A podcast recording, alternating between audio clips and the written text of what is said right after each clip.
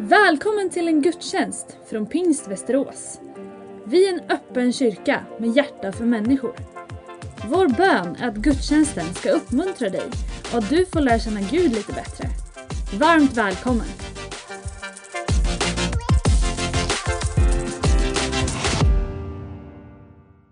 Ja, se jag såg en skara av folk av alla länder, stammar och språk.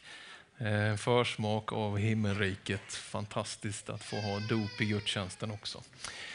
Ja, nåväl. Vi eh, ser fram emot hösten 2021 och jag kommer dela några tankar utifrån det som är ett bibelord som vi säger med vårt språkbruk har blivit levande för mig.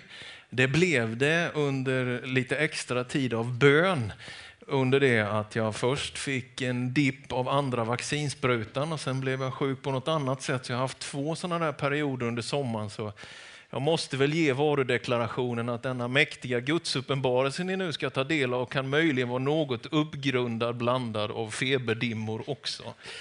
Men jag faktiskt hade lite extra tid att be, bara för mig själv och i det så upplevde jag ändå någonting som jag tror kan ge en viss vägledning och förhoppningsvis uppmuntran inför hösten. Det är Bibelns sista bok, det är Uppenbarelseboken.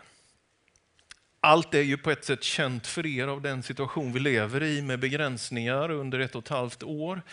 Vi har stora omvälvningar i tiden, i de makrosammanhangen av politik, klimat, ekonomi, demokrati, diktatur.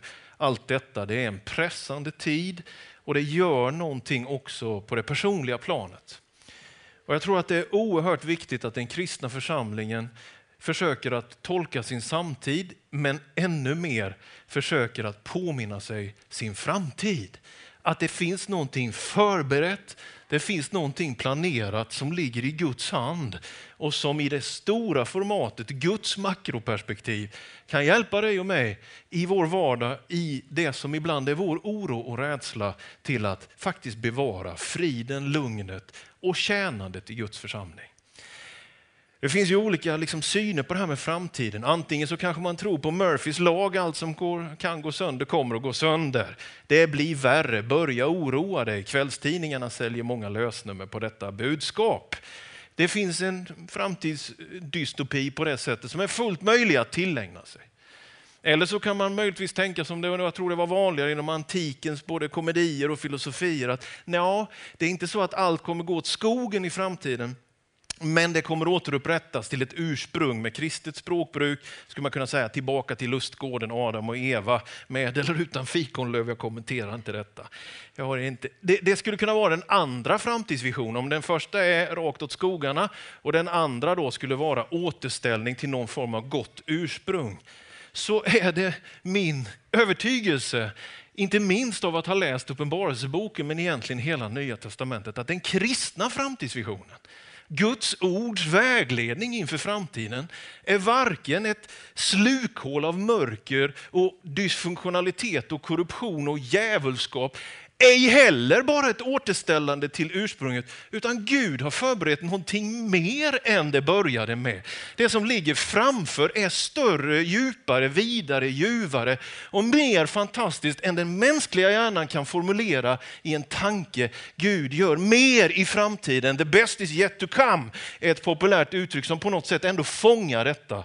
Jag tror med Uppenbarelseboken i hand att det är en mer korrekt framtidsvision för en troende människa.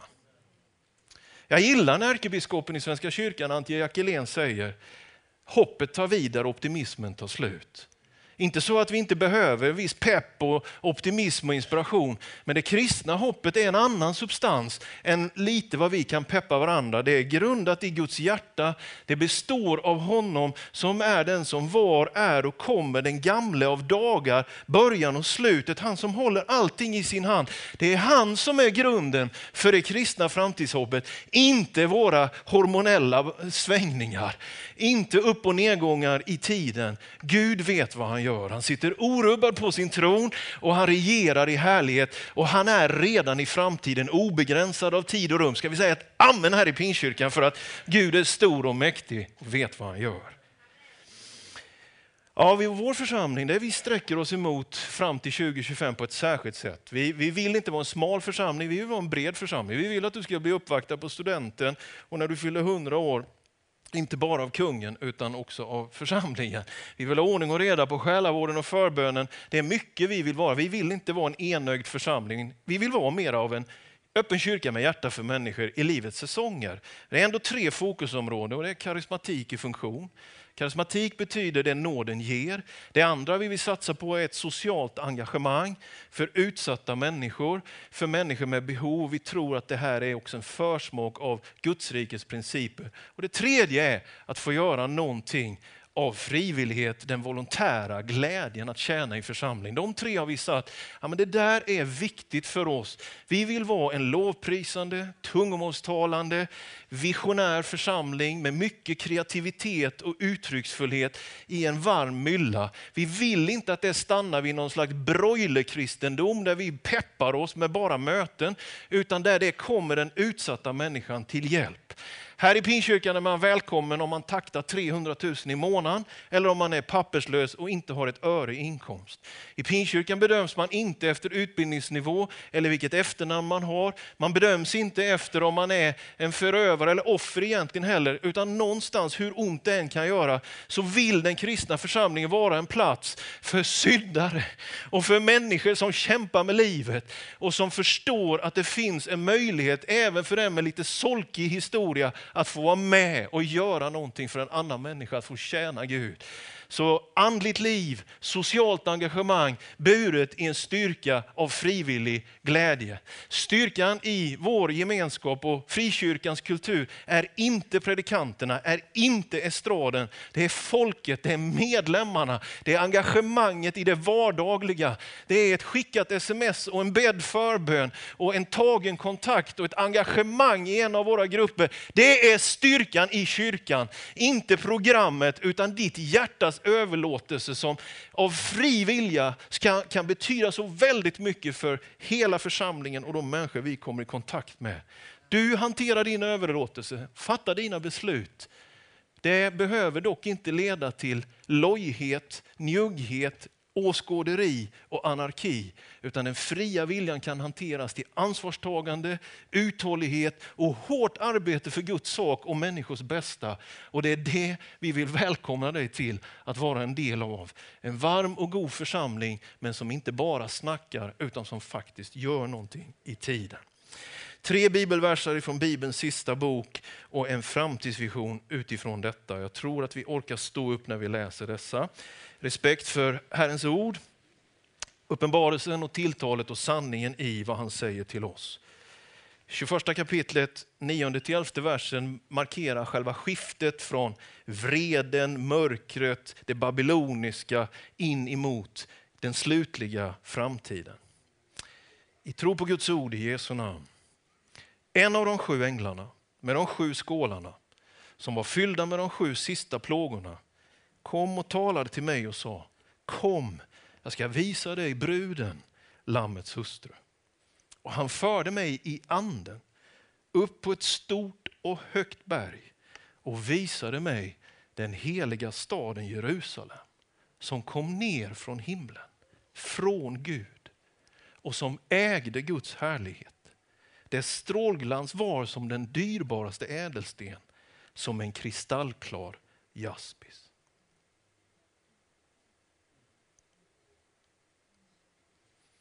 Amen. Varsågod och sitt ner. Det finns en teolog som heter Timothy Beal. Han kallar Uppenbarelseboken för en multimedia-installation. Det är som den modernaste pingstkarismatiska kyrkan med följespottar och ledskärmar och laser och rökmaskiner i parti och minut. Det här är inte en bok av bara fakta utan det här är ett gestaltande av framtiden i en form som är multimedial. Det här är en bok som den kristna rörelsen har haft väldigt svårt att förhålla sig till och jag får väl bekänna också jag. Det är inte den boken jag har predikat mest ifrån under mina 15 år som föreståndare i den här församlingen. Det ledde till att jag för ett par år sedan bestämde mig ändå för Nej, men det där är inte okej. Okay, liksom. Vi kan inte liksom låtsas som inte Vi kan inte tystna i framtidsfrågorna för att vi tycker att det ofta blir för spekulativt.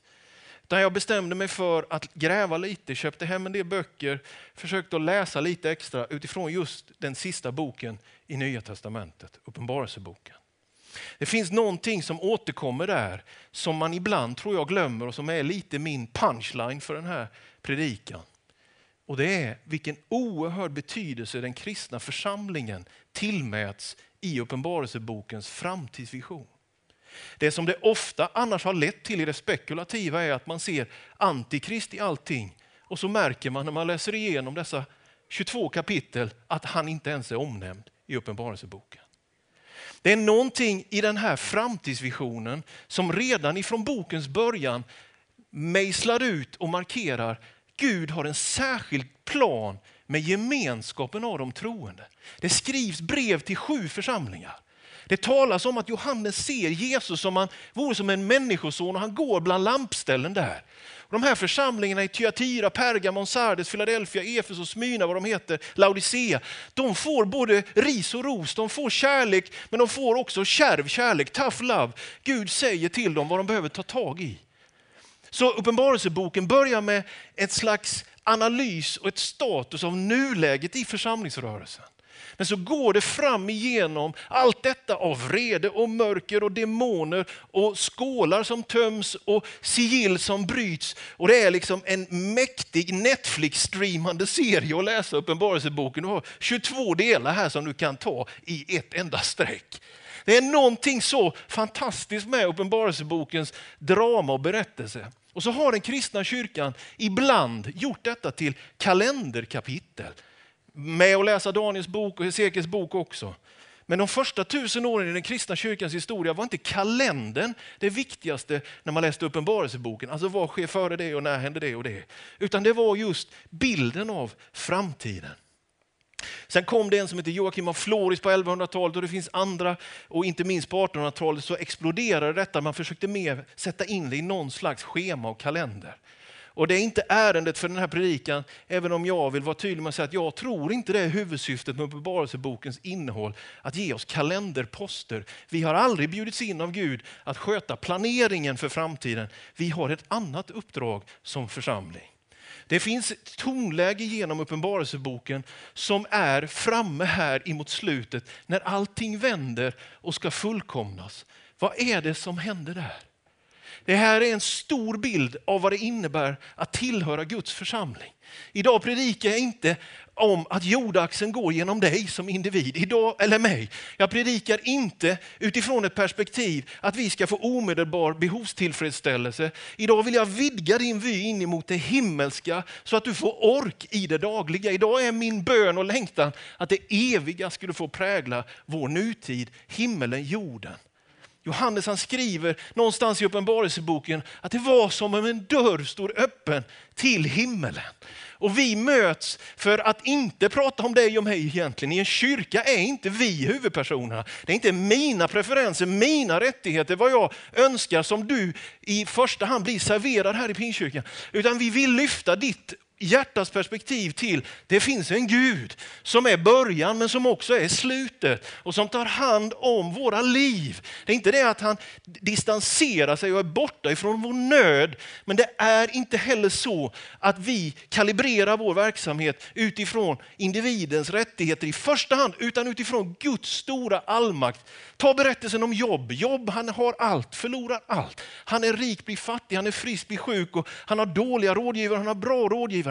Mot slutet så är det som om Herren griper in på arenan i hans liv och det är då det vänder. Och det är faktiskt när Gud säger till Jobb, men Jobb var var du någonstans när jordens grund blev lagd? När jag satte fästena i havet, var var du då Jobb? Det är som om det stora perspektivet är det som ska befria oss som individer. Det fanns en gång en man som satt i Svenska Akademin, Lars Gyllensten. Jag tror han var ateist, en författare. Han talar om det terapeutiska gudsbeviset. Där de har en Gud för de behöver en snuttefilt. De skapar i sin tanke för att må lite bättre när de blir sjuka. Men när man läser Uppenbarelseboken, de bibliska texterna, så inser man att det börjar aldrig med mina hormonsvängningar. Kristendomen börjar inte med dig och mig, den börjar med Gud. Det finns ett ursprung, det finns en stabilitet, det finns en källa, det finns någonting bärande som är så befriande. Så välkommen till en höst med Pinkyrkan där vi kommer att påminna dig om att glömma bort dig själv lite grann och istället se in i ett annat sammanhangsperspektiv och i det vara fri.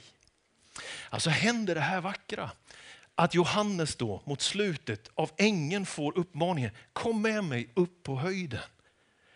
Det finns en skön låt av Ulf Lundell för övrigt om det där. Där han tar lite heder och ära av biskopar och prelater. Men jag på något sätt gillar jag den där låten i alla fall. Här säger Johannes till, eller ängeln till Johannes, följ med mig upp på höjden. Så ska jag visa dig bruden. Jag ska visa dig lammets hustru. Det här är kända bibliska beskrivningar för kyrkan, för församlingen. Den gemenskap han gav sitt liv för på korset, den kyrka han bygger. Och nu ska Johannes få se församlingen. Nu ska han få se församlingen när den är framme, när den är fullkomnad, när den är klar och i sitt eviga läge. Kom här Johannes. I anden förde han mig upp. Och Det har varit min bön inför den här hösten och det här ärendet. Att du som kristen inte bara skulle se det dagliga, även om vi måste hantera det och sköta det. Men att vi också skulle komma i anden. Människan är, har något poröst över sig. Vi är som en tröskelvarelse. Vi är inte robotar. Gud har inte skapat oss så. Du kan ha drömmar, syner, uppenbarelser, känslor. Du kan erfara någonting. Du kan bli förälskad, du kan bli ledsen. Du kan känna av någonting. Och detta är faktiskt någonting väldigt vackert. Och Johannes får vara med om att föras i anden upp på en höjd och så ska han få se församlingen. Den toaskurande servicegruppens fullkomnande. När det är klart med predikandet. När det inte längre handlar om att försöka få folk att komma och engagera sig och ge kollekten. När det är färdigt så ska han få se detta nu. Och när han får se det så är det ju inte en brud han ser utan det är en stad. När församlingen är fullt förvandlad i härlighet så som Gud har planerat hennes framtid så är det inte längre en brud, det är en stad. Han smyckar en brud, han ger henne gåvor, andliga nådegåvor, ledargåvor, frukt, kärlek, generositet. Det är som att bruden klär sig till sin vackraste dag. Absolut är det så. Men när det är fullkomnat och när bröllopsfesten sker så handlar det egentligen inte längre om bruden utan om staden. Om den staden som markerar och symboliserar när Gud har förvandlat hela skapelsen. När all korruption är deponerad, när djävulen är bunden och kastad i den brinnande sjön. När hela skapelsen prisar Gud och är framme i härlighet så är församlingen en stad av Guds härlighet helt fri ifrån någon brist eller skrynkla. Och därför kan inte Pinkyrkan i Västerås, om den ska vara sund, ha en vision för Pinkyrkan i Västerås, utan för Västerås, för Skultuna, Surahammar, Norberg, för folket, för människorna utanför kyrkan. För att i Guds hjärta ligger att placera ett frö, ett embryo, en prototyp prototyp, en försmak till det som en dag förverkligas. När Gud i sin himmel har gjort allt till allt och Kristus är allt i alla, då är församlingen en stad. Och Johannes får se detta. Och jag vill att du ska känna av den här söndagen att vara med i en kyrka är någonting vackert, men det är inte ett fritidsintresse. Vi är inte turister som letar nästa kick. Vi är pilgrimer, heaven bound, för ett annorlunda rike som så innerligt väl behövs. Bruden blir en stad en dag. Detta bräckliga, enkla. Detta som ibland går rätt och fel. Kyrkor som sänder på Youtube på tvären, man får ha huvudet i 90 grader och allt det här. Allt som är knaligt och någon som glömmer något och någon som lovar något. Liksom och så blir det inte som det var sagt. Jag vet det är så mycket bräcklighet i den nuvarande församlingen. Men den bär ändå ett himmelrikets korn över sig. Den förtjänar respekt och kärlek. Inte för någon pastors skull utan för gemenskapens skull och Guds höga syften med församlingen.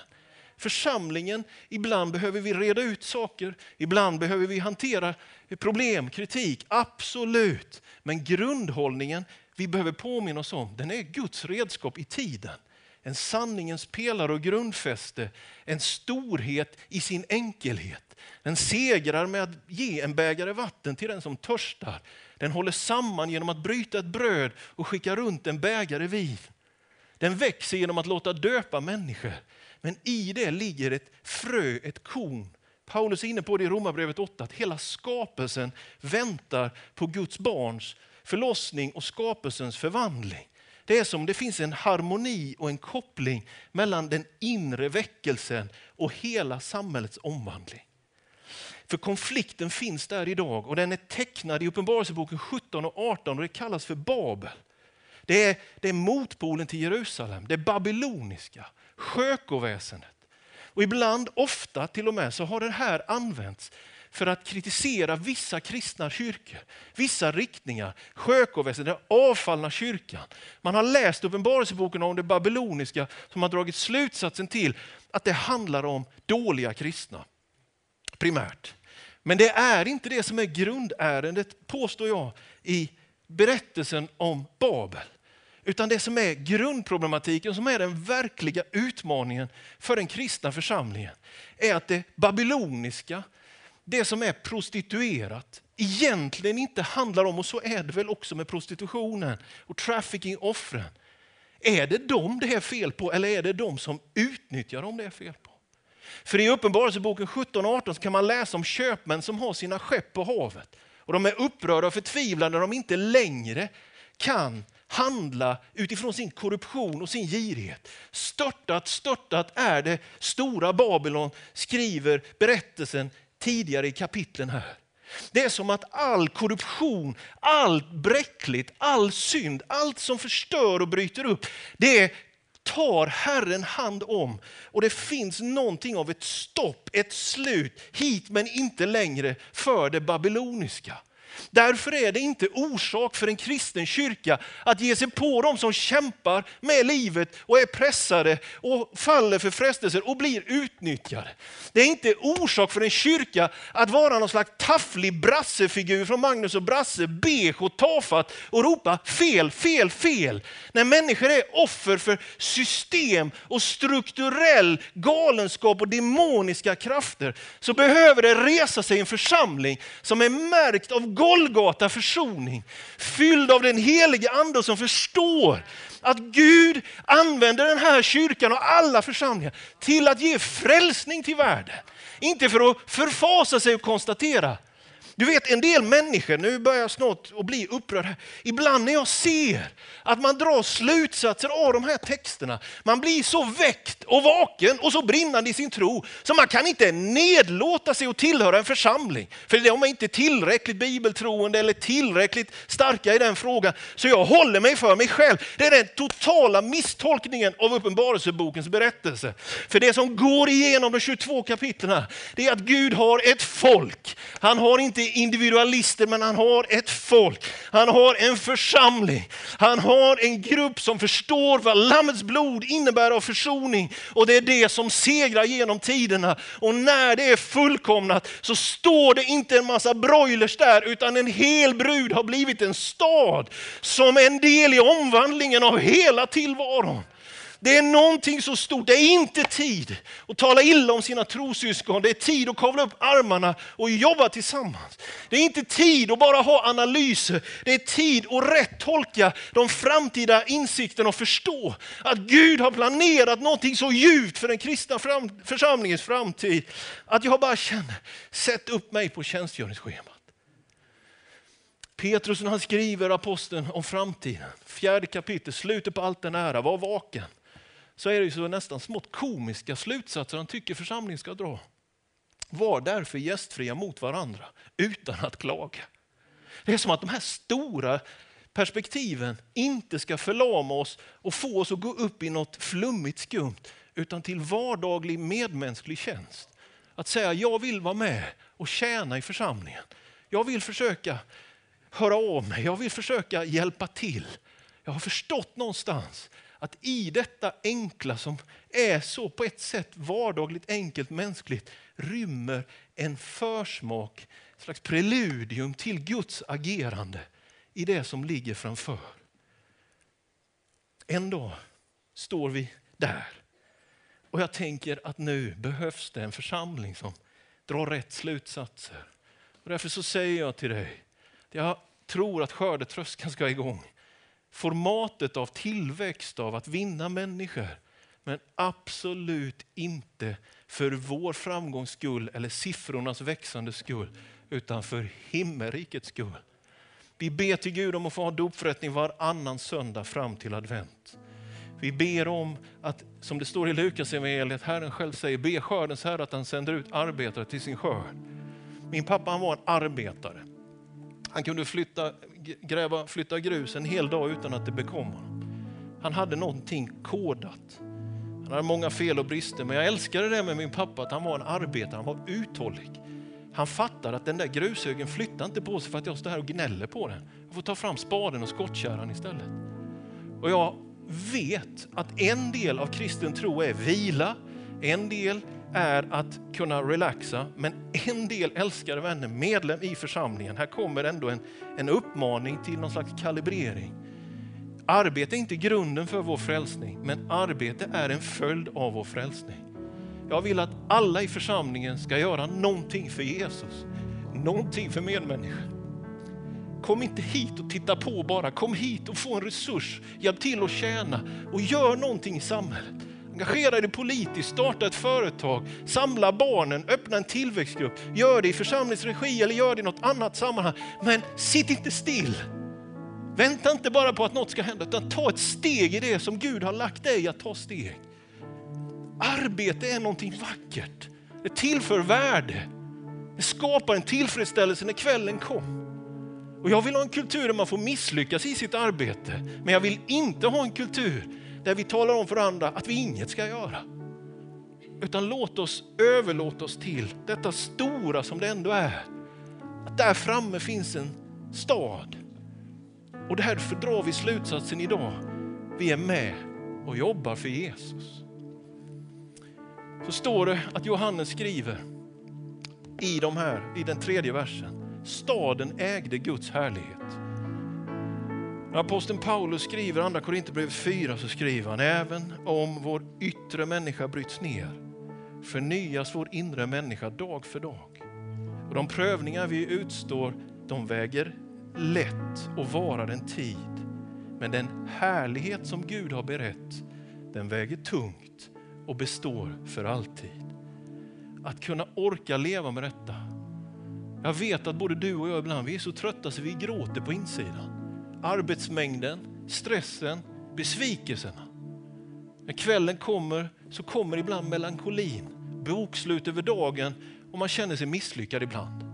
Vi delar alla de känslorna. Vi har alla utmaningar. Ingen av oss ska gå hårt åt varandras utmaningar. Men i alla fall vill jag säga till min egen själ och till församlingens själ. Vår kamp, våra frestelser, våra tillkortakommanden Dra inte den slutsatsen att det diskvalificerar dig. Hur du än har det, hur du än mår, kan du ändå tjäna Gud. Och i det som du gör, om det är litet eller i människors ögon stort spelar ingen roll. Men i funktionen, i steget förverkligas någonting som Herren en dag ska ta och förvandla. En dag är det slut på det babyloniska, en dag är det slut på all korruption. En dag har bruden blivit en stad.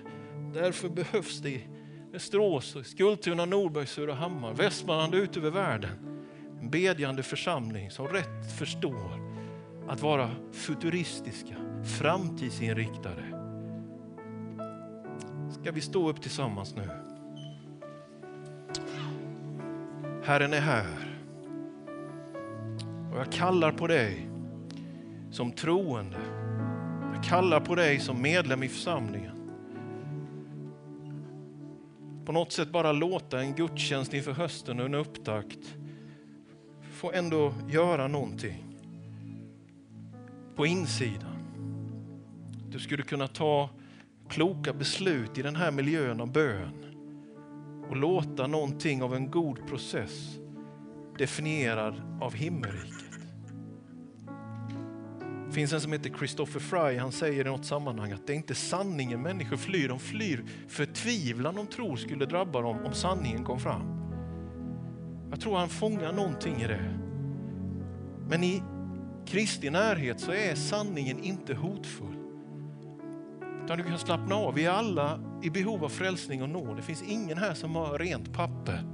Det är en riktig bunt storsyndare egentligen, Pingstkyrkan i Västerås. Men av nåd frälsta.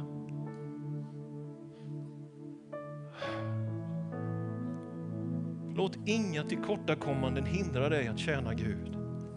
Låt inget vad andra människors tillkortakommande, fel och brister i församlingen hindra dig att tjäna Gud. Du är del i det himmelska. Tack Jesus för vad du gör just nu. Unga, äldre, män, kvinnor. Verka genom din heliga Ande. Att någonting rörs i våra hjärtan. Att församlingen, gemenskapen av de troende får fungera den här hösten. Ge impulser genom din heliga Ande. Sätt människor, förhållanden, verksamheter och aktiviteter framför vår näthinna. Att vi kan se, här vad just vi ska ta för steg. Tack att du verkar. Gud, vi ber Herre, vi ber om öppna hjärtan för evangelium i den här delen av Sverige där vi är satta att tjäna dig. Jag ber att vi ska få döpa många den här hösten, att många ska bli frälsta och döpta i vatten. Och jag ber att vi ska bara kunna öka allt socialt engagemang utåt i samhället. Att vår församling skulle bara få strömma igenom av ditt goda Herre. Och jag ber om en värnad plats för frivilligt engagemang, en positiv atmosfär av uppmuntran. Jag ber för våra gudstjänster och samlingar i våra kapell och här i vår huvudkyrka. Att hela den här hösten, att det skulle få vara som i anden på en höjd. Att få se lite längre än det jag bara själv kan tänka ut. Beskydda vår församling, håll den i enhet och frid.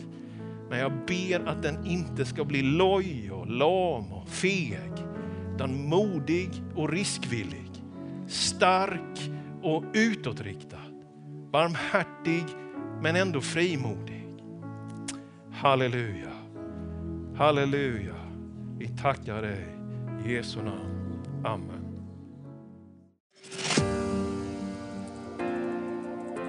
Du har lyssnat på en gudstjänst från Pingst Västerås. Har du frågor om församlingen eller vill veta mer om kristen tro kan du gå in på vår hemsida vasteras.pingst.se. Varje söndag firar vi gudstjänst tillsammans klockan 10.30. Välkommen att vara med via webben. Sök efter vår Youtube-kanal Pingst Västerås så hittar du livesändningen.